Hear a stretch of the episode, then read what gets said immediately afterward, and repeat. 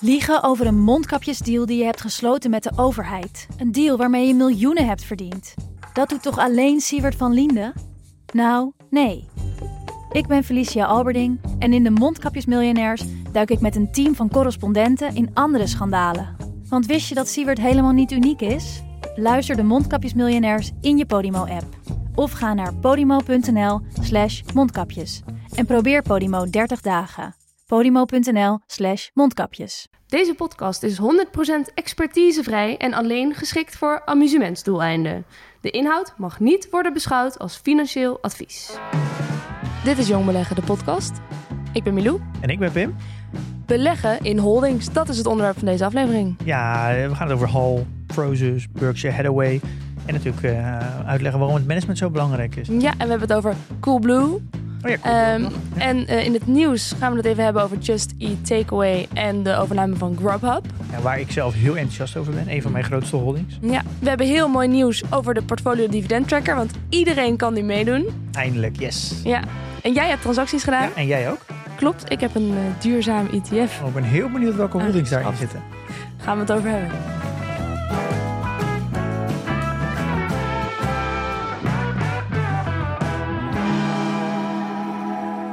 In het kader van iets om naar uit te kijken, hebben we leuk nieuws waar we niet te open over kunnen zijn. Maar ja, Ja. we willen toch iets hebben om naar uit te kijken. Ja, we hebben gewoon echt een hele mooie planning voor ons. Mhm. Eh, met heel veel eh, nieuwe gasten, speciale gasten. Ja. AWM komt natuurlijk nog langs. ja, dat hadden we al een keer beloofd, hè? Ja, die is helaas uitgesteld. Ja, dus daarom, daarom willen we er nu niet al Ja, zo gaat dat elke zijn, keer, Want, ja, de, het beleggen is een hele onzekere wereld. Het gaat allemaal om verwachtingen. En je moet ja, geen verwachtingen scheppen die uiteindelijk dan niet worden nageleefd. Maar ik denk wel dat dit gaat, gaat lukken. Het is natuurlijk een beetje met de zomervakantie wordt het lastig. Mhm. Ehm Ties komt natuurlijk nog langs voor eh, ja. China deel 2. ja, leuk. We gaan het nog hebben over eh, innovatie en eh, vooral de, het beleggen in echte groeibedrijven en de fase daarvoor. Dus hoe ontstaat nou een bedrijf voordat hij naar de beurs gaat? Dus Mhm. dan weet je een beetje welke aandeelhouders vaak een bedrijf naar de beurs brengen. Ook heel interessant. En we hebben een, een CEO te gast Een CEO. van eh, een van mijn holdings. Ja, en niet de minste. Nee, daar later eh, meer over. ja, nee, daar gaan we het verder niet over hebben. Is er nog iets anders wat we kunnen vertellen? Mm, Ehm, nou, dit was het wel een beetje, denk ik. Nou, bedankt voor het luisteren. Tot nee, grapje. Eh, want we gaan natuurlijk wel gewoon weer een onderwerp bespreken deze aflevering. En dat is ditmaal voor- en nadelen van beleggen in een holding. Ja, Miu, wat is, eh, wat is een holding? Ja, ik heb dus ooit een keer een schimmige film gekeken waar iemand een holding had. En dat bleek allemaal. eh, nou, er zaten allemaal loesje praktijken achter. Dus sindsdien staat een holding bij mij in een kwaad daglicht. Maar ik weet inmiddels dat er natuurlijk ook wel goede holdings zullen bestaan. En ik heb ook al geleerd dat een holding eh, zo'n ding is, ehm, een bedrijf met een aanmerkelijk belang in een ander bedrijf. En een aanmerkelijk belang is 5% of meer. Oh, kijk, zo, wat goed. Ja, nee, een holding is eigenlijk niks anders. Elke, bijna elke eigenaar van een BV, die heeft eigenlijk een holding. Dat is eigenlijk een, eh, als je gaat kijken naar gewoon bedrijfsstructuren, fiscaal, heb je eigenlijk een BV waar de werkmaatschappij in zit. Nou, dat weten alle ondernemers wel die luisteren. Daar gebeurt ook daadwerkelijk het werk in. Daar gaat geld in en uit. Er zitten mensen op de payroll. En dan heb je eigenlijk een, een holding en dat, er zit geen activiteit in. En dat is, daar wordt vaak geld in eh, gestald eigenlijk. Bijvoorbeeld alle winsten die worden uitgekeerd van de aandeelhouder dividend, die komen in een holding terecht. Mhm. Maar die doet verder geen activiteiten. Die het is vaak een, eh, ja, een, een, een stil bedrijf en die bezit eigenlijk alleen maar een belang. En daardoor kan het eigenlijk ook niet failliet gaan. Eh, dus als je bijvoorbeeld een. eh, Is het gewoon eigenlijk beleggen voor bedrijven? nou, Dan- het is. als je bijvoorbeeld meer eigenaar van bent van meerdere bedrijven. Dan heb je eigenlijk het belang, al die belangen heb je in een holding zitten. Dus als er dus één eh, werkmaatschappij bijvoorbeeld failliet gaat, dan ga je, neem je niet gelijk alles mee. Ja, maar ik snap eigenlijk dus niet waarom je een holding zou maken. Gewoon om iets met je geld te doen. Eh, nou, het is een, een structuur. Als je bijvoorbeeld, je kan, als je meer dan 5% hebt, kan je niet als persoon eigenaar zijn. Dus dan, eh, dan heb je een aanmerkelijk belang en dan moet je een, een, eigenlijk een, een, een bedrijf ertussen zetten. En een holding is eigenlijk is een soort van uitvoering van jou als bedrijf. En waarom zou je als bedrijf een stukje van een ander bedrijf willen wat meer is dan 5% of 5%? Nou ja, je kan toch eh, meerdere ondernemingen hebben gestart of je kan eh, investeerder zijn. Ja, Eh, als je bijvoorbeeld, nou daar gaan we het binnenkort nog over hebben, over de, het stukje ehm, investeren in innova innovatieve bedrijven. Dat zijn bijvoorbeeld angels investors. Dat zijn investeerders in een hele vroege fase.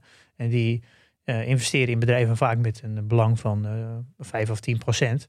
En dat belang zit dan in een, in een holding. En die hebben, bezitten misschien wel belangen van 20 verschillende bedrijven. Oké, dus het is puur een structuur om een ander bedrijf te kunnen bezitten op een bepaalde manier. Maar ook, uh, ook om geld, uh, zakelijk geld, uh, ergens neer te zetten. Nou, bijvoorbeeld, ik heb mijn. En waarom zou je ergens zakelijk geld neer willen zetten? Nou, ik heb bijvoorbeeld mijn bedrijf verkocht. Ja. daar heb ik, een, heb ik wat geld aan overgehouden, maar dat, dat heb ik niet privé. Niet alles privé. Dat is, maar dat, dat hou ik ook een gedeelte in mijn holding.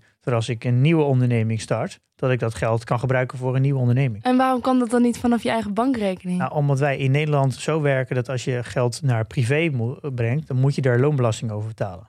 Uh, dan is het dus inkomen. Ja, en nou noemde je vorige week aan het einde van de aflevering al een, een voorbeeld van een holding. Dat is dan bijvoorbeeld Berkshire Hathaway ja. van Warren Buffett. Ja, nou, die heb ik ook in mijn portfolio. Berkshire heeft dan wel een, uh, zit wel wat activiteit. Nou, er staan natuurlijk de mensen op de loonlijst, die, uh, zoals Warren Buffett zelf, en die heeft natuurlijk wat collega's nog. Uh, die zijn dus een groepje mensen die eigenlijk alle belangen beheert. Maar wat eigenlijk Berkshire zelf doet, is gewoon belangen nemen in bedrijven of het volledige bedrijf kopen. En dan valt er eigenlijk onder Berkshire vallen gewoon zoals, ja, zeg, 20, 30, 40 bedrijven. En ja, vanuit Berkshire, vanuit de holding worden die eigenlijk gemanaged. Dus niet operationeel, maar eh, het belang wordt gemanaged. Ja. En er zit eigenlijk geen samenhang tussen alle deelnemingen. En dat is eigenlijk voor mij een essentieel uh, verschil. En bijvoorbeeld uh, Alphabet, nou, dat kennen we van Google. Dat is eigenlijk ook een holding. Mm. Alphabet zelf, er zit er geen activiteit in. Alphabet heeft zelf ook geen product. Daaronder valt bijvoorbeeld de Google en Android. En dan hebben we alle andere kleine uh, producten die ze hebben, zoals uh, Waymo, Product Wing, DeepMind en Google Fiber. Nou, ze hebben ze allerlei kleine uh, bedrijfjes eronder hangen. Die hebben ze gekocht of dat zijn uh, ja, een soort van R&D-projecten. die vallen allemaal onder Alphabet. en dus dan kan je eigenlijk zeggen, Alphabet is dus ook een holding. Ja. En ik vind het niet een holding, omdat namelijk alle deelnemers die onder Alphabet vallen, die zijn wel degelijk in elkaar verweven. En ze integreren in elkaar en ze wisselen data uit. En misschien het personeel zit, is ook niet heel duidelijk voor het ene bedrijf of het andere bedrijf. En een beetje hetzelfde als Koninklijke Ahold Delhaize. Is wezen ook een holding, omdat je namelijk Albert Heijn hebt. Je hebt bol.com, Delhaize, Ethos, Gal Super Indo, Stop Shop. Nou, zo kan ik nog even doorgaan. Maar dat zijn natuurlijk eigenlijk allemaal supermarkten. Bol.com is dan natuurlijk een, uh, iets anders. Maar het is heel erg geïntegreerd in elkaar. En daardoor vind ik het minder een holding dan als je bijvoorbeeld kijkt naar een Berkshire Hathaway of een Hal. Maar waarom minder een holding? Nou, waarom mag dat niet verweven zijn? Nou, omdat dan vind ik het minder een holding beleggen. Dan, zal het meer, dan is het misschien technisch gezien en fiscaal gezien wel een holding. Uh, maar je kan het veel meer zien als één bedrijf. Alphabet zie je gewoon als één bedrijf. Yeah. En je kan Berkshire niet als één bedrijf zien, want daar, zij hebben een belang in Coca-Cola, in Apple en in uh, bijvoorbeeld uh, nou ja, American Express. En dat zijn natuurlijk yeah. losse bedrijven die totaal niet aan elkaar integreren. Er zit totaal geen, geen patroon in, in hoe ze samenwerken. Het zijn gewoon echt compleet losse bedrijven. Als je gaat beleggen in een holding, dan is eigenlijk is het een soort ETF. Het is een selectie van bedrijven waar je stukjes. Nou, je kan het eigenlijk ook wel. Ja. En dan heb je dus minder gespreide ETF's, zoals zo'n Ahold Delhaize dan. Maar je hebt ook hele gespreide met allemaal verschillende soorten bedrijven. Ja, nou, ik vind dan Ahold dus geen ETF, want het is gewoon, gewoon een supermarkt. Ze hebben natuurlijk wel meerdere merken onder zich. Maar eigenlijk is het gewoon allemaal een supermarkt. Dus ze zouden gewoon in één keer kunnen zeggen, we, we rebranden alles naar Albert Heijn. Je hebt toch ook wel een supermarkten-ETF waarschijnlijk? Gewoon alle supermarkten op de wereld of zo, weet ik veel, ik noem maar wat. Maar die heb je toch ook? Ja, die zal wel zijn, maar dan heb je dus ook alle concurrenten. Dus dit is natuurlijk. Ah, zo, uh, ja. Justy Takeaway bijvoorbeeld ook koopt ook allemaal uh, maaltijdbezorgers in, in Europa op. Ja, maar die vallen dan onder. Ja, die, die hebben nog wel zijn eigen naam. Uh, ja. Dus, maar ja, ja, in principe is het natuurlijk hetzelfde product. En uiteindelijk ja. zie je nu ook, ze gaan alles rebranden naar Just Eat. Takeaway, het wordt allemaal oranje. Dus langzaam verdwijnen die merken. En daarom kan je niet echt spreken van een holding, omdat ze ook gebruik maken van dezelfde systemen onderling. Um, maar wat jij zegt over zo'n mini-ETF klopt in principe wel. Zo'n Berkshire Hathaway, die hebben denk ik, nou ik weet niet exact uit mijn hoofd, maar denk uh, ongeveer 20 echt grote belangen. Mm -hmm. Wel veel meer, maar dat zijn, die zijn relatief klein. En dat kan je wel zien als natuurlijk een, een ETF. Uh, omdat het een spreiding is. Nou, vooral Berkshire heeft best wel ook spreiding over sectoren. Maar het is wel anders dan een ETF, omdat het namelijk uh, actief beheerd is. En het idee van een ETF is vaak niet altijd, maar bijna altijd passief is. En daardoor zijn ze zo goedkoop qua beheerkosten. Maar Berkshire heeft natuurlijk een actief beheer en dat Warren Buffett en Charlie Munger. Dus je moet wel eh, geloof hebben in, in het management. Want waarom, zit jij, waarom heb jij dat, eh, nou, die holding? tijdens het maken van, van, van, eh, van, deze, van de voorbereiding heb ik wel eigenlijk wat beter over nagedacht. Ja, waarom heb ik eigenlijk een holding? En ik merk wel dat ja, het, is wel, het is wel moeilijker, denk ik, om de markt te verslaan voor een holding, denk ik. Omdat het namelijk zoveel belangen heeft. En het is ook best wel als belegger. Het kan aan de ene kant heel makkelijk zijn, want het is heel veilig, want je hebt gelijk spreiding. Ze hebben vaak heel veel cash, dus ze kunnen ook kansen spotten. Als de markt, als in slechte tijden kunnen ze natuurlijk bedrijven kopen, want ze hebben veel cash. Eh, dus het heeft ook wel zijn voordelen. Maar Mhm. ik denk in hele goede tijden eh, heb je daar misschien wat minder aan. Eh, maar het is wel wat moeilijker. Het de ene kant luier, maar aan de andere kant wat moeilijker, denk ik. Omdat je namelijk, ze hebben zoveel verschillende belangen. Dus je, er zitten altijd wel belangen in waar jij zelf niet zo heel veel aan hebt. ja. En je moet ook heel erg kijken naar, heeft de holding wel dezelfde doelen als dat jij hebt? Als jij graag de markt wil verslaan, dus of je streeft bijvoorbeeld, nou niet zozeer verslaan, maar je wil zelf streef je altijd naar 15% rendement. Ja, dat, en bijvoorbeeld zo'n Berkshire Hathaway gaat dat nooit halen. Eh, want die, ja, die, ze hebben zoveel vermogen. Het gaat over eh, iets van eh, 600 miljard. En eh, de mensen die daarin beleggen over het algemeen, nou, natuurlijk de, degene die daar, het management zijn ook heel erg oud. Dus die zullen ook automatisch iets meer leunen naar vermogensbehoud dan eh, vermogensgroei. Dus de, je moet ook heel goed kijken naar wat is de gemiddelde belegger in zo'n holding en waar, waar streeft het management na. Wat is dan voor hun de meerwaarde van zo'n holding hebben? Verdienen zij zelf daar ook nog geld aan? Of is het puur even zakelijk geld ergens neerzetten? Zij beheren een vermogen van 600 miljard. Dat is eigenlijk het bedrijf waard. En ja, kijk, op een gegeven moment, dat is misschien ook wel om te weten, een holding is 9 van de 10 keer, komt dat vanuit een, een, is een soort van een hele grote family office. Nou, we bijvoorbeeld Hal. Eh Hal is een Holland American Line. Nou, dat is in 1989. Nou, dat is eh, toen ik eh, geboren was. Val van dat- de Berlijnse muur? Ja, die hebben Holland American Line verkocht. Aan Carnival, Carnival Cruise volgens mij uit mijn hoofd. Nou, dat doet er niet toe. Maar daar hebben ze een, eh, ja, best wel veel vermogen in één keer. Kre- kregen ze volgens mij in één keer 1,2 miljard. Eh, nou, dan krijg je in één keer als familie zijnde, want die eh, Holland American Line was van de familie. Ze hebben natuurlijk al die, die eh, cruiseschepen verkocht.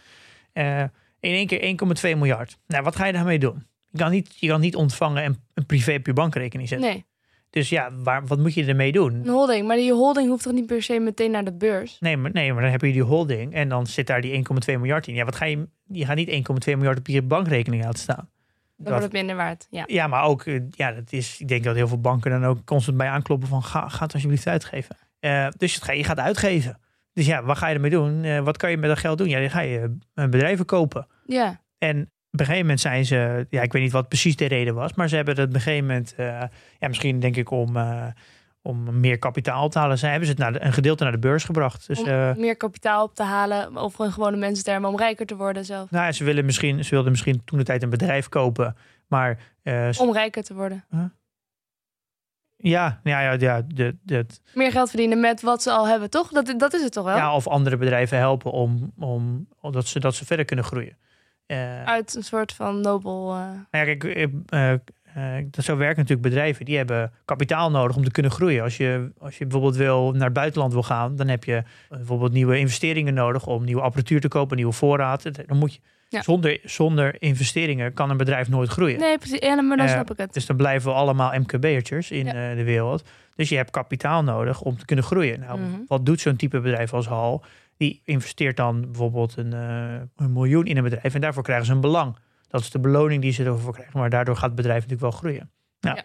Dus ja, eh, maar soms hebben ze, zien ze een hele mooie kans. Maar dan hebben ze, willen ze niet volledig zelf het risico dragen. Of ze willen andere mensen laten meeparticiperen. En dan ja, moet je eigenlijk beursgenoteerd zijn. Ja. Eh, dus ze hebben dat naar de beurs gebracht. Mhm. En dat is natuurlijk eigenlijk een familie van der Vorm. Dat is bij de tweede rijkste familie in, in Nederland. Die is nog 68% eigenaar. En de rest is, is op de beurs verhandelbaar. Dus dat zijn eh, ja, beleggers die zijn daar eigen, eigenaar van. Dat is 32%. Dus de familie is nog wel de baas. En die bepaalt ook wat er met het geld gebeurt. Maar andere beleggers kunnen... eh, andere families of andere instituten die kunnen, kunnen daaraan mee participeren. Dus die denken, nou, ik vind, eh, ik vind de manier hoe Hal het runt en wat ze kopen, vind ik, ja, vind ik heel goed. En ik wil ook mijn geld aan, eigenlijk aan een familie geven. Ja. Maar een mooi voorbeeld is Coolblue. Nou, dat kennen we allemaal. Pieter Zwart, CEO. Pieter Zwart. Ehm, daar heeft Hal heeft in 2016 een belang genomen van 49 procent. Dan kan je afvragen, ja, waarom heeft Pieter Zwart 49 procent van zijn bedrijf verkocht? Ja, waarom heeft hij dat gedaan? Ja, nou, Coolblue is natuurlijk een, een Hollands bedrijf. Zat alleen in Nederland en een beetje België. Um, Coolblue is, het is best moeilijk om te groeien voor Coolblue. Want je hebt, moet allemaal voorraden hebben. Als je naar een nieuw land wil, moet je dus een nieuw distributiecentrum bouwen. Je moet daar je voorraden gaan aanleggen. Je moet je website uh, uh, klaarmaken voor het buitenland. Je Ja. moet uh, partnerships aangaan om te bezorgen. En je moet marketing doen. Dat kost heel veel geld. Mhm. Je kan dat natuurlijk organisch doen, maar dan moet je, begin je heel klein. Maar dat werkt vaak niet. Want je, Of heel veel schulden aangaan. ja, maar ja, die schulden moet, wie wil die schulden financieren? Nee, precies. Maar dat is dus even, dat Dus kan de- wel, maar je, ja, dat ja, maar de bank die gaat dan zeggen, ja, maar waarom zou dat financieren? is veel te groot risico. Ja. De, de enige manier om voor een Coolblue om dat te groeien, is door een eigenlijk gedeelte van het bedrijf te verkopen. Dus extra aandelen uit te geven. Eh, en die extra aandelen, die, moet je, die verkoop je dan, in dit geval Hal. En Hal, die gaat dan eh, x 100 miljoen in het bedrijf stoppen voor Ja. dat belang. En Daar da- moet je wel mee overleggen, toch? Met Coolblue zelf. Je kan niet zomaar even als hal zijnde zoveel aandelen kopen. ja, maar het is niet beursgenoteerd. Oh, Dat is natuurlijk het hele idee. Coolblue is niet beursgenoteerd. Ah, dus ze kunnen geen geld, makkelijk geld ophalen. Dus wat ze gaan doen, is ze zoeken dus een investeerder om Ja. te groeien. Ja. Nou, daar kom je bij als partijen als Hal uit. Mhm. Dus het is heel nuttig dat zij Nederlandse bedrijven verder helpen. Want een bank wil ze niet. Ze kunnen gewoon nergens financiering ophalen dan bij investeringsmaatschappijen als Hal. Ja. Nou, Hal koopt daar dus een 49% en stopt daar honderden miljoenen in. En daardoor kan, Bo- eh, kan Coolblue verder groeien. Ja. Eh, dus het, dat is ook weer gelijk een, eh, dat is een mooi voorbeeld wat mensen met kapitaal kunnen doen, kunnen andere bedrijven helpen. ja, zonder winstoogmerk en alles, zeker. Nee, maar dat, ma- ja, nee, dat is. Nee, dat mag en dat hoort ook bij, maar dat doen ze niet uit een soort van goed hart. Nee, Natuurlijk. oké, maar dat hoor je mij ook niet zeggen. Nee, maar dat. dat eh, Nee, maar je, je zegt wel helpen, maar ze doen het niet om Coolblue te helpen. Maar het gebeurt wel. Nou ja, ik denk dat een, een, een, een, een goede ondernemer, een goed investeringsfonds, creëert altijd een win. Ja. Ehm, Een win-win. ja, en het idee is natuurlijk dat je een soort van symbiose creëert. Oké, ik sta veel af van mijn bedrijf, in dit geval 49%, maar dan hou ik dus 51% over. Maar omdat Hal eh, zoveel investeert en zoveel een groot netwerk heeft en, en helpt om te groeien, wordt de 51% die Pieter Zwart nu heeft meer waard dan als die 100% zou hebben zonder Hal. Ja. En dan kun je natuurlijk een win-win. Ja. En dit zijn natuurlijk meer risicovolle investeringen. Maar als je bijvoorbeeld kijkt naar Hal, Ja, die heeft, een, hij heeft best wel veel deelnemingen. Maar de deelnemingen zijn zowel beursgenoteerd als niet beursgenoteerd. Nou, Coolblue Ja. is niet beursgenoteerd. Ze hebben bijvoorbeeld eh, BNR en eh, Ah. eh, Financieel Dagblad is ook van Hal. oh echt? Ehm, nou, ze hebben ze nog een heel rijtje aan eh, niet beursgenoteerde bedrijven. Maar ze hebben ook wel beursgenoteerde bedrijven zoals eh, eh, SBM Offshore, Vopak, Boskalis. Nou, het zijn, dat zijn weer beursgenoteerde ondernemingen. Ja.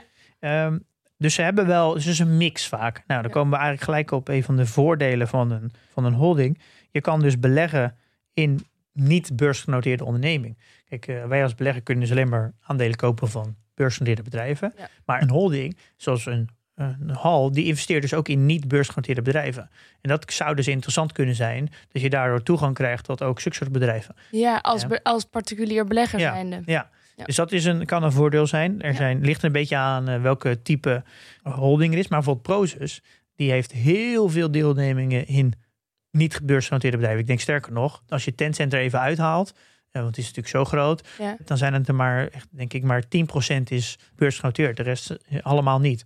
Eh Tencent is zo aanzienlijk groot dat het natuurlijk, denk ik, iets van eh 90, 80, 90% is van het complete vermogen van de holding.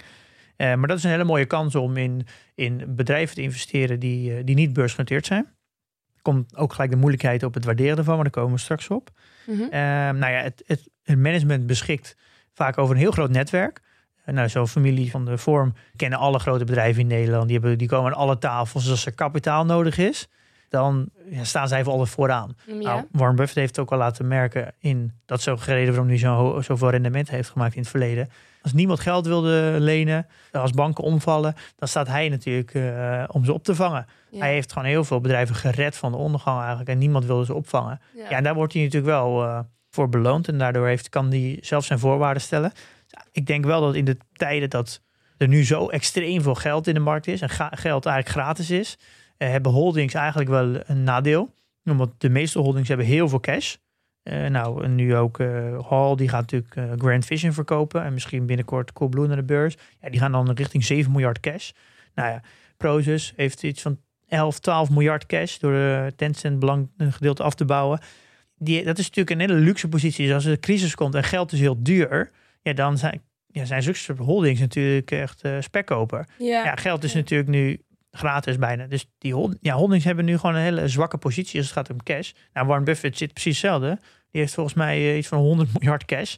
Maar ja, dat, daar zit hij al uh, volgens mij al vijf jaar op. Hij vindt geen goede kansen.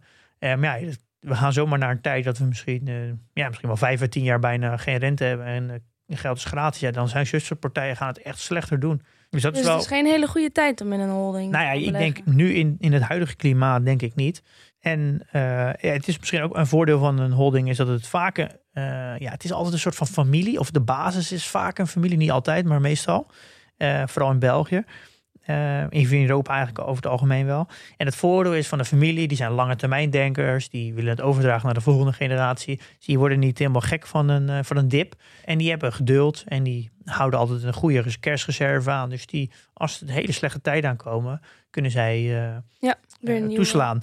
En ik denk ook dat het voor een, een particuliere belegger uh, interessant kan zijn als je nog niet zoveel geld hebt en je een kleine portefeuille hebt, maar je wil gelijk wel met aandelen beginnen, zorg je met een holding wel gelijk voor spreiding. Ja. Uh, als je bij gelijk, als je bijvoorbeeld in uh, Warren Buffett belegt en Berkshire, dan heb je er gelijk ook een belang in Apple, ja. een belang in, in Bank of America, American Express. Ja. Dan heb je wel gelijk. maar dan moet je dus ook wel echt vertrouwen hebben in het management. Ja. Want het is natuurlijk wel hun keuze. Je moet dat wel vertrouwen helemaal. Ja, absoluut. En dat is dan ook gelijk een mooi bruggetje naar de nadelen. Oh. Ja, dat is gelijk het nadeel. Je moet ze wel vertrouwen. Ben ik uh, te goed, hè? Ja, je, bent, je hebt het eigenlijk allemaal al door. uh, ja, je, moet, je moet het management uh, kennen. Ja. Je moet het management geloven. En Ja. je moet erachter staan. Ja, Dat is heel belangrijk. dus je moet er wel even goed in verdiepen. Ja, en ze moeten ook in lijn zijn met wat je, en dat merk ik nu zelf erg. Dat heb ik eigenlijk zelf een beetje eruit gehaald nu uit de voorbereiding. Je moet wel in lijn zijn met jouw eigen doelen.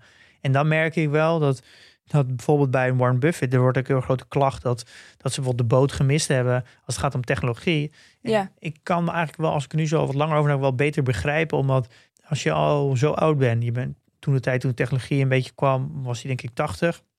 Ja. Eh, een beetje eind 70, begin 80. Op die fase zit je ook veel meer in vermogensbehoud. Hij zal ongetwijfeld heel veel vrienden hebben. En zijn hele privéomgeving zal investeren in, in Berkshire. En die zal ook allemaal een beetje diezelfde leeftijd hebben. Mhm. En die hebben denk ik als belangrijkste doel dat ze, dat ze het vermogen netjes overdragen naar de volgende generatie. Zijn hele kennissenkring en de groot, de, een van de grote aandeelhouders, die zullen allemaal streven naar vermogensbehoud. En veel meer naar de vermogensgroei. Ja. En dat ga je dan ook merken in de performance. Dus het risico gaat naar beneden. Eh, en ze zullen dus meer genoegen nemen met gewoon een, een klein beetje plussen op, op, eh, op inflatie. Ehm, ja, dat is wel, moet je wel een beetje go- goed realiseren. Ik zit natuurlijk helemaal niet in die fase. Nee. En daardoor heb ik wel, kan ik wel mijn vraagtekens bij stellen. Is dit, is dit dan wel het bedrijf wat past binnen de fase waar ik zelf nu zit? Nou, doe eens een gok. Eh, nou ja, in principe niet. Maar, is wel natuurlijk een maar. Ja. Het is al- altijd bepalend welk moment je een bedrijf koopt. Eh, om natuurlijk wel een, een go- een goed rendement te kunnen maken. En zo'n holding, vooral als Berkshire, is gewoon wel een laag risico. Ja. Het kan in een portefeuille waar je heel veel groeiers hebt, kan natuurlijk wel een beetje als, eh, als meer demper dienen. Ja, de Ehm, tegenhang. Ja. eh, en ja, wat ook een nadeel is, gebrek aan transparantie en inzicht. Nou, Hal, die staat over mij bekend dat ze niks vertellen. En de persberichten die zijn, ja, die komen bijna niet verder dan één alinea. Mhm. Ja, dus je, ze delen gewoon heel weinig. En ze hoeven ook niks te delen, omdat ze gewoon het grootste belang hebben.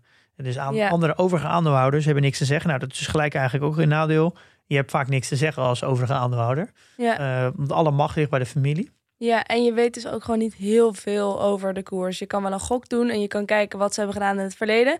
Maar wat ze echt willen en waar ze naartoe willen, dat is Ja, het, is, het is moeilijk, ja. Ja. En de ene holding is wel anders, maar familieholdings zijn veel meer gesloten dan bijvoorbeeld een holding als Prozus. Ja, En Berkshire is trouwens ook heel open. En ja, de, de waarderingen van holding is soms lastig. Nou, dan gaan we straks even iets verder op in over hoe waardeer je nou een holding. Eh, omdat namelijk, al, je moet eigenlijk alle deelnemingen bij elkaar optellen. Ehm, en dan kan je kijken of het, of het boven of onder de intrinsieke waarde handelt. Ja. Maar ze hebben heel veel niet beursgenoteerde holdingen. Ja, hoe waardeer je dat dan? Dat is gelijk een uitdaging. Kan je natuurlijk waar, waarvoor het in de boeken staat. Maar ja, dat zegt natuurlijk niks eh, in de meeste gevallen. Eh, daar kom ik zo nog op terug. En er zit vaak een korting in. En dan denk ik, ja, dat was maakte een mooie opmerking. Iemand in de community een keer. Dat iemand zei, ja, er zit een mooie korting in de holding. En eh, toen zei iemand, ja, maar die zit er dus altijd in. Dus dan is het geen korting meer.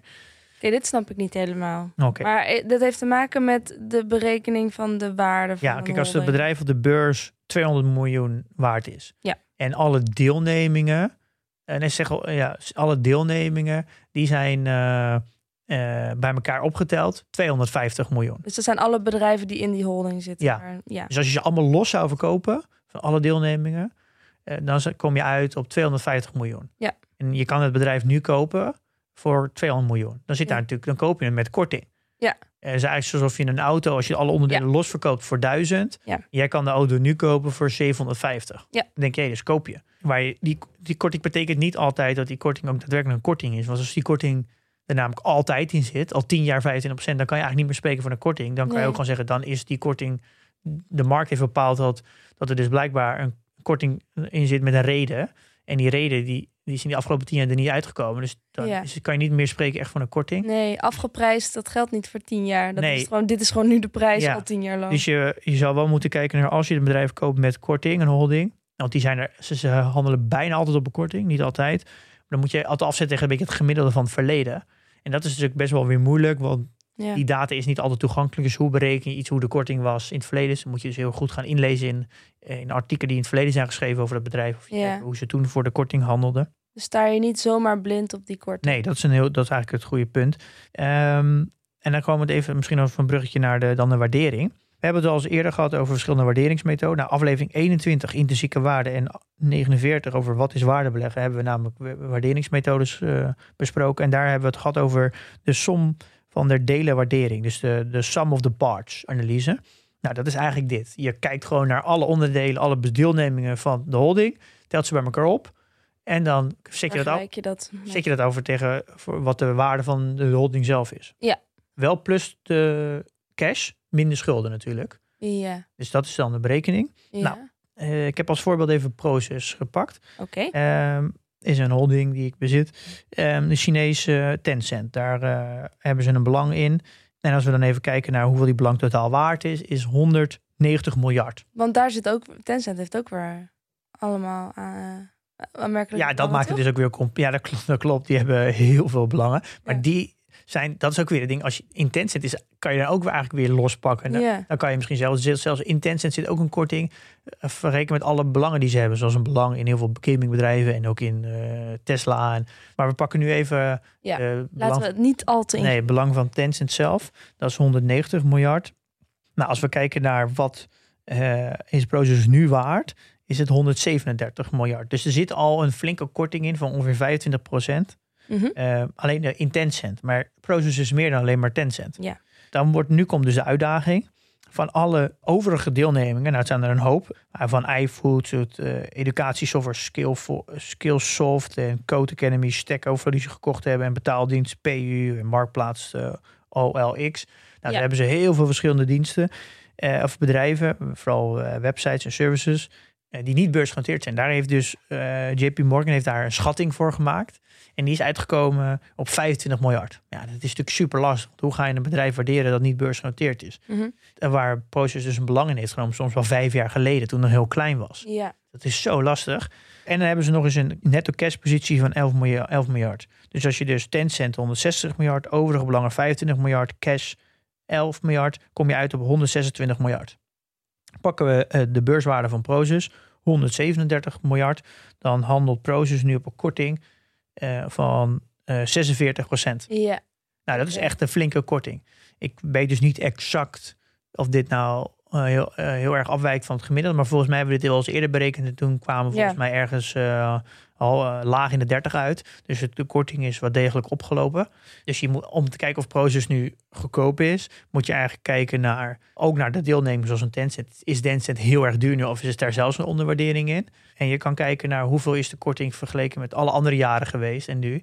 Dan kan je kijken of het, of het goedkoop of duur is. ja. Jongen, wat een werk zeg. Dus een holding Wat heeft gewoon een hele andere idee. manier van, eh, van bekijken. Ja. Ehm, en je moet natuurlijk heel erg geloven in de visie van Het management. Het management. En het management heeft heel duidelijk aangegeven waar ze naartoe willen. Betaaldiensten, uh, maaltijd, uh, de bezorgen. En ze willen op educatie zitten. Nou, als jij ziet dat die drie takken ook heel groot gaan worden de komende vijf jaar. Ja, dan kan Proces een goede belegging zijn. Maar als je, zijn, ja. als je ziet, ja, daar geloof ik helemaal niet in. Dan moet je ook niet in Proces beleggen. Maar ik denk voornamelijk moet je natuurlijk in Proces beleggen. Omdat je een aandeelhouder wil zijn van Tencent. Want dat is zo, een zo groot deel van heel Proces. Ja. En dat gaat denk ik zeker nog wel vijf à tien jaar, misschien wel tien jaar duren voordat dat belang langzaam is afgebouwd. Dat het relatief een kleinere positie wordt. Want het moet een beetje zo zijn. Je bouwt het belang van Tencent door de jaren af. En dan ga je de komen en dan ga je alle belangen die je nu hebt, die gaan groter worden. Dus die worden relatief dan een groter percentage. En je gaat het geld waar je ga je ook nieuwe deelnemingen van kopen. Maar waarom zit dan die korting van 46% erin? Ja, dat is een hele goede vraag. Thanks. Ehm, ja, dat is natuurlijk, dat is, daarom zit altijd een korting. Dus moet je altijd ook gaan zoeken waarom. En beleggers dus, ja, waarom vinden ze die korting dus gerechtvaardigd eigenlijk? Ja. Eh, en dat kan zijn dat ze dus niet overtuigd zijn van de investeringskwaliteiten van Prozus. Ze hebben natuurlijk ook niet echt een goede track record nog. Ja, ze hebben Prozus is echt een masterlijke belegging geweest. Oh, Sorry, uh, Tencent is een masterlijke belegging, echt geniaal. Maar het kan ook een soort van uh, one-trick pony zijn. Dat moeten ze nog bewijzen. Dus ze hebben nog niet een goede track record. Dat kan zijn. Eh, een bepaalde openheid van Proces kan een rol spelen. Ze laten echt bijna niks zien van de deelnemingen die ze hebben die niet beursgenoteerd zijn. Het is echt wel een beetje blind varen. Mhm. Ze delen gewoon heel weinig van alle overige deelnemingen. En daardoor ja, een soort van het marketing voor de holding zelf is echt belabberd. Uh, dat schrikt beleggers natuurlijk heel erg af. Ja. En jij bij Proces als aandeelhouder echt bijna geen zeggenschap omdat Napsters, dat is dan weer de, de holding boven uh, Proces, die heeft een, een heel groot belang. Waardoor je eigenlijk als, net als in die families wat ik net zei, in Hal, dat als je als overige aandeelhouder eigenlijk niks te zeggen hebt. Uh, dus de macht ligt heel erg bij, uh, bij één partij. Maar dat geldt voor elke holding. Ja, en dat, en dat kan dus heel erg een, een, een nadeel zijn. Want je, Ja. daardoor zullen echt grote beleggers, echt grote fondsen dus niet zo snel in Proces gaan. Want die hebben dan te weinig regie over, uh, over hun deelnemingen. Dus eigenlijk denk ik dat wat Proces vooral moet doen, uh, ja, is die, uh, die korting eruit werken. Ze, ze, zullen eigenlijk alleen maar bezig moeten zijn, ja, waarom zit die korting erin? Hoe kan ik die korting eruit krijgen? Want dat is natuurlijk de, de makkelijkste manier van je koers omhoog krijgen, is die Ja. korting eruit krijgen. En dan krijg ik bijvoorbeeld nog een ander voorbeeld naar, is misschien Hal. Die heeft natuurlijk een deelneming in Coolblue, gekocht voor 250 miljoen. Er staat ook voor 250 miljoen in de boeken. Uh, maar ja, Coolblue is natuurlijk, die 49% natuurlijk meer waard dan die 250 miljoen. Uh, dat hebben ze betaald toen ze deelnamen. Ja. Ondertussen is Coolblue natuurlijk flink gegroeid. En nu de schatting is dat het naar de beurs gaat tussen dit jaar, tussen de 4 en de 6 miljard. Dus dat betekent dat zij dus toch wel een 2, 3 miljard uh, overhouden aan deze deelneming. Dat is natuurlijk wel echt veel meer dat het waard kan zijn. Daar moet je dus ook rekening mee houden. En dat is dus ook, ja, je kan niet alleen maar kijken naar voor welke prijs dan al die deelnemingen in de boeken. Want ondertussen zijn die bedrijven of meer waard worden of minder. En daar moet je dus als belegger zelf mee aan de slag gaan rekenen om te kijken of er een flinke onderwaardering zit of niet. Goed Ja. opletten. Ja. En zijn er dan nog ehm, voor hè, de, de particuliere beleggers die nu denken van... hé, hey, dit klinkt wel leuk eigenlijk, zo'n holding. Zijn er bekende dingen nog in Europa bijvoorbeeld die ook ja, het goed, goed doen? Of heb, zijn er voorbeelden van? Ja, die zijn er zeker. Ik denk dat België heeft wel een van de meeste holdings. Ja. Eh, België is echt een holdingland. Eh, maar Milaan, Stockholm, Parijs en Londen hebben ze ook allemaal. Eigenlijk elk, elke grote beurs heeft wel minimaal twee grote eh, familieholdings eigenlijk. Ik heb ze allemaal op de website gezet. Het is misschien te lang om ze allemaal op te noemen. ja. Eh, maar Dieteren in België, nou, die heeft bijvoorbeeld een eh, Belron als deelneming. Dat is geen beursgenoteerd bedrijf, maar dat, is- dat is dus de, een overkoepelende organisatie voor bijvoorbeeld Carglass en al die auto. eh, Carglass repareert. ja, die vervelende reclames.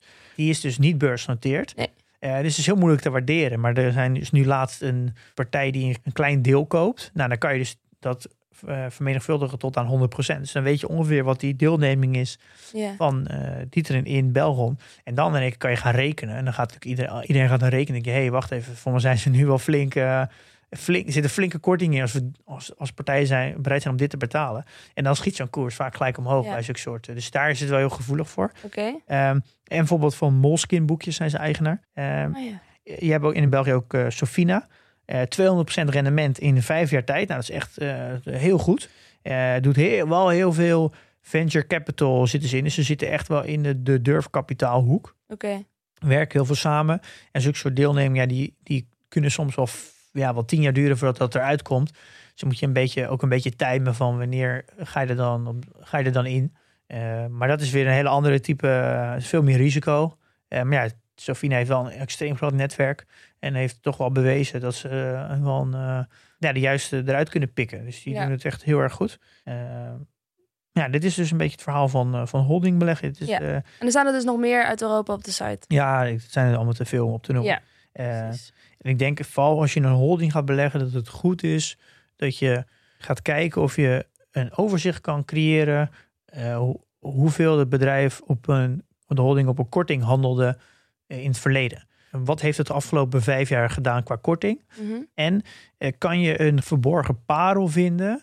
Eh, bijvoorbeeld een, een groot bu- niet beursgenoteerd bedrijf waar ze een groot belang in hebben, die heel hard is gestegen, maar dat de, de, de, de beurs nog niet echt heeft opgepikt. Dat zijn momenten vaak dat, je, eh, ja, dat, dat er nog heel veel eh, verborgen, ja, eh, verborgenheid in, in zo'n holding zit. Eh holding kunnen zeker in bepaalde momenten zeker interessant zijn. Pim, ik heb vernomen dat er een portfolio dividend tracker update is. Deze aflevering. Een hele mooie. Oh. Dit is iets waar we, ik denk wel, de meest gevraagde functionaliteit. Dit was ook een, eh, een extreem pittige update. Daar hebben we, eh, hebben we lang over gedaan. Dat hebben we ook groots gevierd deze week. Hoe bedoel je? Gevierd. Heb- We hebben de arena afgehuurd. Hebben we dat niet ge- meegekregen?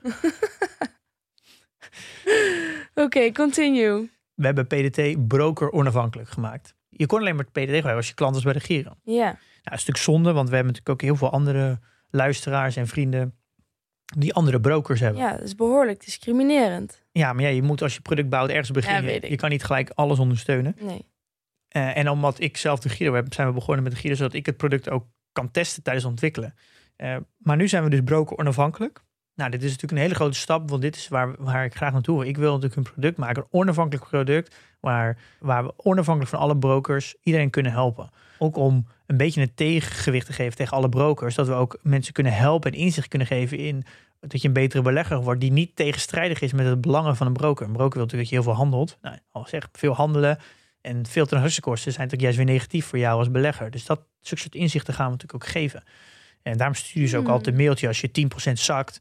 Dan krijg je een mailtje, ja, je aandeel is 10% gewoon met de hoop natuurlijk dat, ze, dat jij dan in paniek raakt en gaat handelen. Ja, want daar verdienen ze aan. Je daar verdienen ze aan. Ja. En ze laten ook niet zien hoeveel procent Nee, ja. transactiekost je nou betaalt op een... eh, nou, in ieder geval, PDT moet eh, een beetje eh, moet echt zijn voor de belegger en niet voor de broker. Zouden er veel mensen hebben gewacht op dit moment die niet bij de Giro zitten voordat ze vriend van Ja, de show nou ja, ik weet het. Oh ja, dat weet ik niet. Ik weet dat er best wel wat vrienden van de show andere brokers hebben en Ja. hier heel erg op wachten. Nu heel blij zijn. Ja, dit is natuurlijk. Ik ben er hier eh, heel trots op op deze update. Je kan dus nu gewoon met elke Nederlandse broker kan je eh, PDT nu gebruiken. Je kan gewoon je volledige portefeuille Ja. nu eh, invoeren. Nou, mocht er een vriend van de show zijn die de arena gaat afhuren om dit te vieren, nodig me even uit. Lijkt me gezellig. Ja, en misschien wel bij te zeggen dat het, het is misschien even werk als je voor het eerst een account maakt, want je moet natuurlijk in het verleden alles invullen. Maar het is super gebruiksvriendelijk. Ben je misschien even een uurtje, misschien twee uurtjes mee kwijt, maar daarna eh, ja, is het natuurlijk maar een paar minuten werken elke maand als je een nieuwe transactie doet. Dus eh, eh, hier zijn we in ieder geval heel erg blij mee en ja, we gaan lekker door met, met verder ontwikkelen. En we gaan nu op naar het, eh, nu het meest gevraagde functionaliteit. Ik ben benieuwd.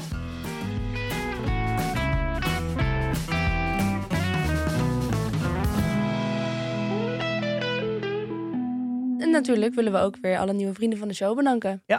Dus eh kun je valt met de neus in de boter om deze week eh, Ja. eh, vriend van de show te worden. Lucky jullie.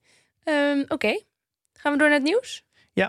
Ehm, heb jij het meegekregen van de aandeelhoudersvergadering van Grubhub? Zeker, zit op de voet. Ja, Ja, dacht ik wel. Ja. Ja. Deze Nee, maar we hebben het natuurlijk al vaak over gehad. Dat ja, ik heb nu even één nieuwsitem gepakt en dat is natuurlijk Grubhub. Dat kan ook niet anders, want Just Eat is een van mijn grootste holding. Veel over gesproken, dus we moeten dit even behandelen. Ik denk dat er al wel heel veel over gezegd is, dus ik denk dat de meeste mensen dit ook al, al weten. Eh, maar Grubhub is eh 99% van de aandeelhouders hebben natuurlijk eh, hebben akkoord gegeven op de fusie. Eh, ja, dit is natuurlijk een. Dit is, ik dacht echt dat dit al in kannen en kruiken was. ja, dat was, ja, dat moesten officieel nog eh, aandeelhouders nog voor stemmen. Ja. Maar het is grappig hoe dit ook gaat. Dat je, iedereen gaat hierover meepraten. Bijna iedereen zegt, je, je, iedereen moet tegenstemmen, dat is veel beter. En, uh, ook, uh, hij was ook bij de Op 1, uh, Jitse. Nou, het, Wanneer? van de week. Oh, echt? en het, het, ja, het is zo grappig hoe die dynamiek te zien, hoe, hoe, hoe iedereen daar dan zo'n mening over heeft, hoe Jitse het ook al moet runnen. Uh, ik merk dat ik uh, gemiddeld gezien wel een, meer een tegenovergestelde mening heb dan de meeste. Mijn idee is dat iedereen vooral heel kortzichtig is uh, en graag nu rendementen wil zien. Ik denk dat, dat, dat CorpHub nu heeft ingestemd dat echt fantastisch is. dit zou misschien op korte termijn zorgen dat ik het nog steeds voor koersdruk. Want ik denk als het niet had doorgaan had de koers veel meer gestegen. Maar ik denk op lange termijn is dit natuurlijk een, ja, een geniale fusie. Ik, uh, eigenlijk gewoon het, het hele simpele idee dat uh, afgelopen maanden heeft Delivery Hero, DoorDash en Uber elke keer proberen die koers naar beneden te drukken door aan te kondigen, we gaan in Duitsland actief worden. We gaan eigenlijk in alle markten actief worden waar uh, Just Eat heel groot is. En, dat heeft, en mensen schrikken er gewoon. Oh, zie je wel, de grote Amerikaanse bedrijven komen naar Europa en ze gaan, ja. ze gaan de markt van Just Eat pakken en iedereen is gelijk in paniek. En nu gebeurt het omgekeerde. Wat gaat Jitse doen? Die gaat dus nu de thuismarkt in van Uber en van DoorDash. En iedereen zegt, ja, moet je niet doen. Dus je bent bang voor als grote spelers naar je eigen markt komen. Maar je, je vindt het dan negatief als, als wij naar de andere markt gaan. Ja. Ik denk dat dit juist alleen maar fantastisch is. Ja. Uh, wat is nou de beste verdediging om je, je thuislanden te verdedigen? Is door aan te vallen in de landen in andere thuismarkten. Ja. Uh, als, als DoorDash en Uber vrij spel... Als je wereldheerschappij ook wilt misschien. Ja, als DoorDash en Uber vrij spel krijgen in Amerika om Amerika te verdelen met z'n tweeën. Dan worden die twee uiteindelijk extreem winstgevend. Want die gaan Ja. natuurlijk gewoon handjeklap doen met z'n tweeën. Eh, en die gaan dan zeggen, nou die gaan met, vol, met volle zakken gaan ze Europa in. Nou, dan krijg je zo'n hijfsverhaal. Eh, dan ben je nog lekker, lekker lang de grootste in Nederland. Totdat een Amerikaanse partij eh, eh, het wel leuk vindt eh, om naar Europa te gaan. En dan daar sta je. Eh, ik vind het Ja. fantastisch dat hij eh, als Nederlander durft om Amerika in te gaan. Ik, als ondernemer, ik word hier gewoon blij van. Ik vind dit, eh, ik vind dit een voorbeeld voor elke Nederlandse ondernemer. Nu ben ik meer ondernemer dan belegger. Mm. Ik, ja, ik, ben, eh, ik ben heel trots op hem. Ik vind Ja. dat dit een voorbeeld is voor Nederland. Het is een van de na grootste koop. En dat een Nederlander een Amerikaans bedrijf koopt. eh, buiten Unilever om ooit.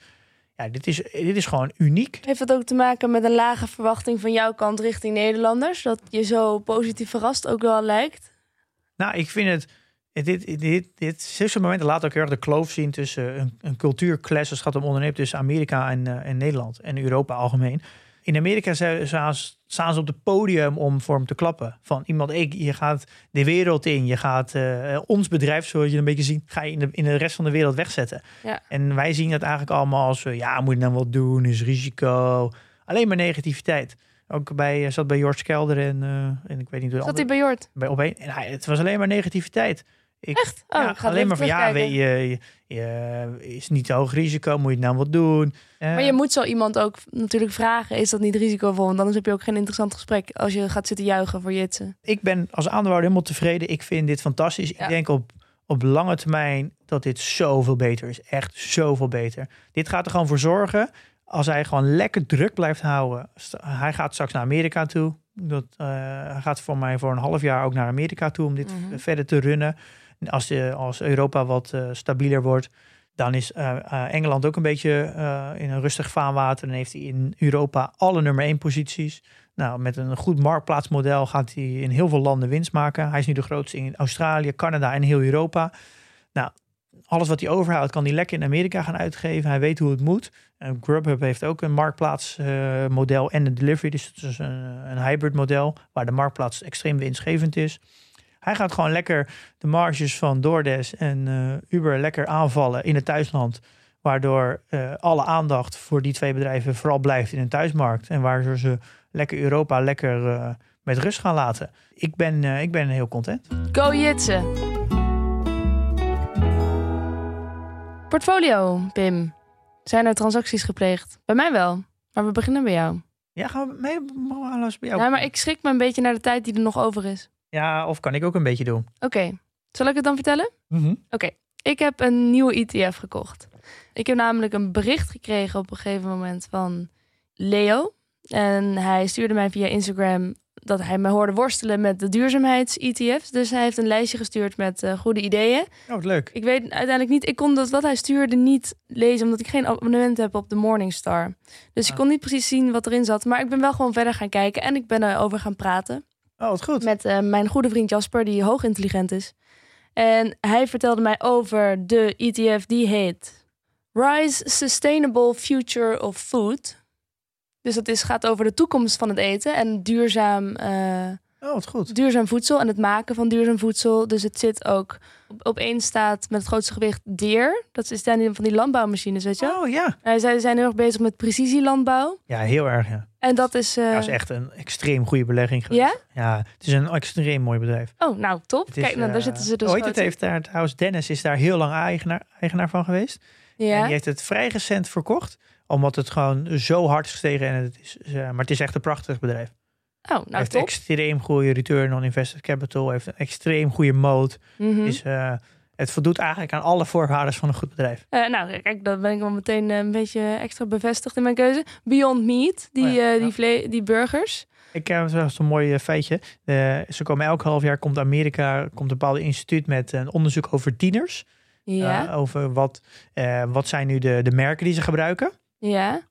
Daar stond over, over dus niet dierlijk vlees. Ja. Eh, stond eh, Beyond Meat als eh, lievelingsmerk. Samen met, ja, dat zijn ook de beste. met nog met één ander merk. Dus het is ook echt onder jongeren, Amerikaanse jongeren, is dit ook het, me- het meest geliefde ja, soort van niet dierlijk vlees. En nog eentje die ik wil noemen, dat is Billerud Korsnes. Ken ik niet. Dat bedrijf dat zit in duurzame verpakkingen. Dus Ah, het is best wel breed. Het gaat echt niet alleen over voedselproductie en insecten Oh, wat en dingen, maar gewoon best wel breed. En toen dacht ik, ja, dit, dit klinkt gewoon goed. nou, van, eh, kan je de volledige naam eens, eh, van welke uitgever is het? Ik heb hem op eh, de beurs in Milaan gekocht. Ja? De Borgsta Italiana zit in de kernselectie natuurlijk. De uitgever is Rise. Dus R-I-Z-E. Oké, nou als je hem even met mij deelt, ga ik hem op de website zetten. Kunnen mensen hem nakijken, zet ik de grootste holding er voorbij. Ja. Nou, eh, mooi. Nou, ja, ik hoop dat het goed gaat. Ik ga het in de gaten houden. Ik, ik Dus zie ook aan je dat je hier heel trots op bent. ik ben hier wel echt blij mee. Ja. Ja, ja. Nu Ehm, ja, nu ben ik aan de beurt. Ja, ik weet dat we aan de tijd zitten, maar ik heb wel flink weer transacties gedaan. Ik had natuurlijk in mei niks gedaan. Nou, we weten allemaal waarom. Mhm. Eh, dus ik mag deze maand twee keer aan de slag.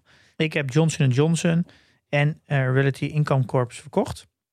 En dat heb ik gedaan omdat ik nog steeds mijn holdings wil verkleinen naar 20. En eh, ja, ik moet daar toch keuzes maken.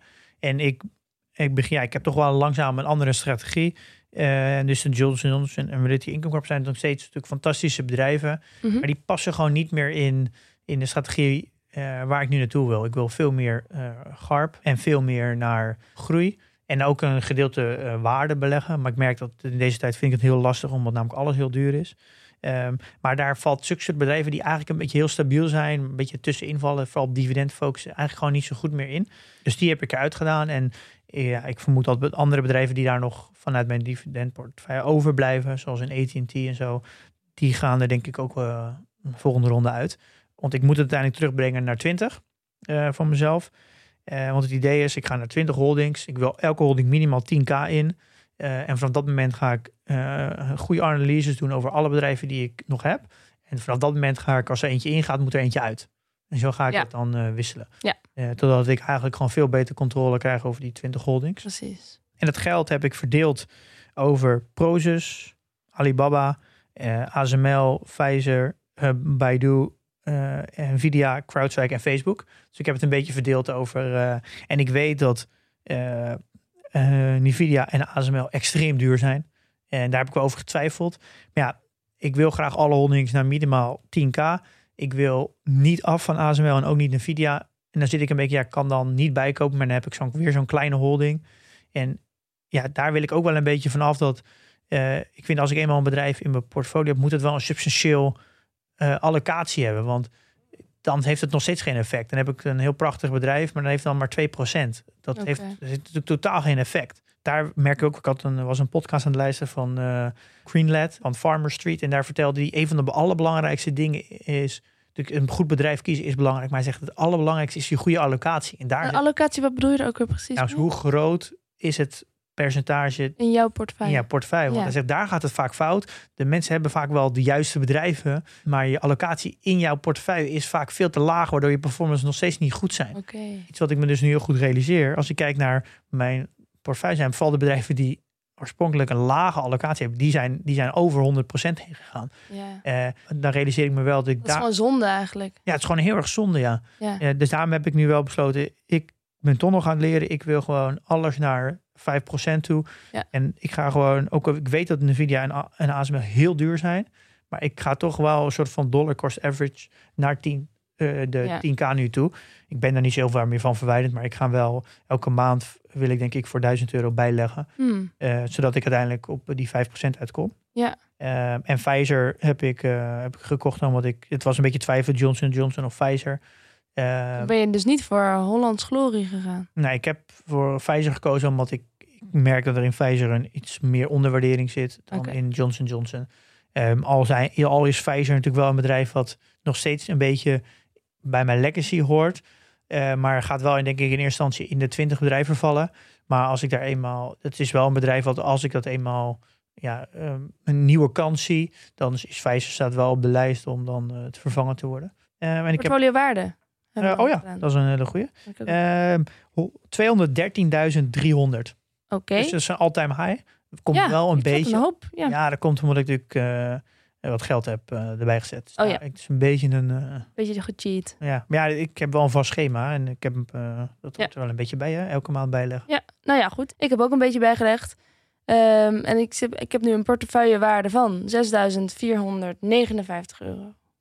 Dus Zo, kijk. Ja, dus dat weer iets hoger dan ik Ja. Maar je hebt dus deze maand ook eh, ingelegd. hè? Ja, maar ik heb 200 nu ingelegd. Ja, oh ja. Want je Ik- bent nu een jaar ik, vind verder het wel, natuurlijk. ik ben wel klaar met die 500 elke Ja. maand. Ja, dus ja, dat is toch goed? Ja. ja. En, eh, uiteindelijk ja. maakt het niet uit welk bedrag je eh, nou per se inlegt. Ik denk dat het goed is dat je dat ritme houdt van het, het ritme, ja. van het elke, elke maand beleggen. Want dat gaat het effect zijn op lange termijn. ja.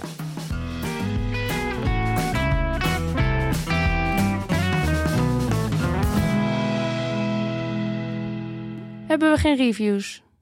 Nee, N- en Is het opgedroogd, de stroom? nou nee, ik, ik, ik heb eigenlijk... Ik wil Klim nu niet allemaal massaal in de pen. eh. Nee, ik, wil, ik dacht, ik ga misschien wel dingen ook een beetje uithalen uit de podcast. Omdat ik merk dat heel veel eh, reviews en zo niet meer zo relevant zijn voor mensen die, eh, die, die nu die bij deze aflevering zijn. Nou oké, maar misschien sommige vragen niet. Maar een review kan er nog wel in. Ja, ik kan er af en toe wel in. Maar de, dankjewel. eh, ik zal er af en toe tussen tussen uitpikken, maar niet meer zo gestructureerd. Want soms sturen mensen mij vragen of dingen. En dan denk ik, ja, eer dat jij deze vraag nu hoort, dan ben je eh, drie maanden verder. Dus het heeft niet Oh, ja, zoveel ja, ja. zin. Ja. Eh, dus dat is een, omdat iedereen natuurlijk bij aflevering 1 begint, die, Ja. net, die, net, ja, die net aan het beleggen is. Als ze verstandig zijn, beginnen ze bij aflevering Ja, één. Dus, dus als ik echt een hele mooie langskom, ga ik die delen. Maar anders eh, halen we hem lekker tussenuit. Oké, nou leuk onderwerp volgende week. Ik, zit, eh, nu, ik was een beetje, eh, ik had allemaal mooie gasten gepland deze tijd. Maar dat is, door omstandigheden zijn er een aantal helemaal verschoven. Mhm. Dus eh, ik moet af en toe nu een beetje gaan eh, eh, puzzelen. Maar er zitten, een- ik heb een Ik vind aantal... dit wel leuk. Ik heb een aantal leuke onderwerpen die misschien niet, waar je niet zo 1, 2, 3 wat aan hebt, maar wel past in het. In, ik denk dat wij documenteren natuurlijk eigenlijk gewoon een soort van beleggingscursus. Ja. Eh, en dat vind ik wel leuk om die erin te hebben. Ja, en dit is een beetje in het thema van het EK, Ja, denk ik eh, dan. Want we gaan het over eh, beleggen in een voetbalclub hebben. Ja, en er zijn nogal wat voetbalclubs beursgenoteerd. Oké. En Ook een Nederlandse? ja, ja. Oké. En, en nou, misschien is een mooie vraag van jou. Denk jij dat het goede beleggingen zijn? Ehm, ja, dat kan ik nu echt niet beoordelen. Maar ik zou het zelf nooit doen, ten eerste. Ehm nou, ja, sorry. Nee, ik weet het echt niet. Wat denk jij? Ja, ik weet het wel, maar dat gaan we volgende week behandelen. Oké. Ik ben heel benieuwd. Ehm, nou, dan eh, voor nu. Investeer in je kennis. En beleg met beleid. En tot volgende week.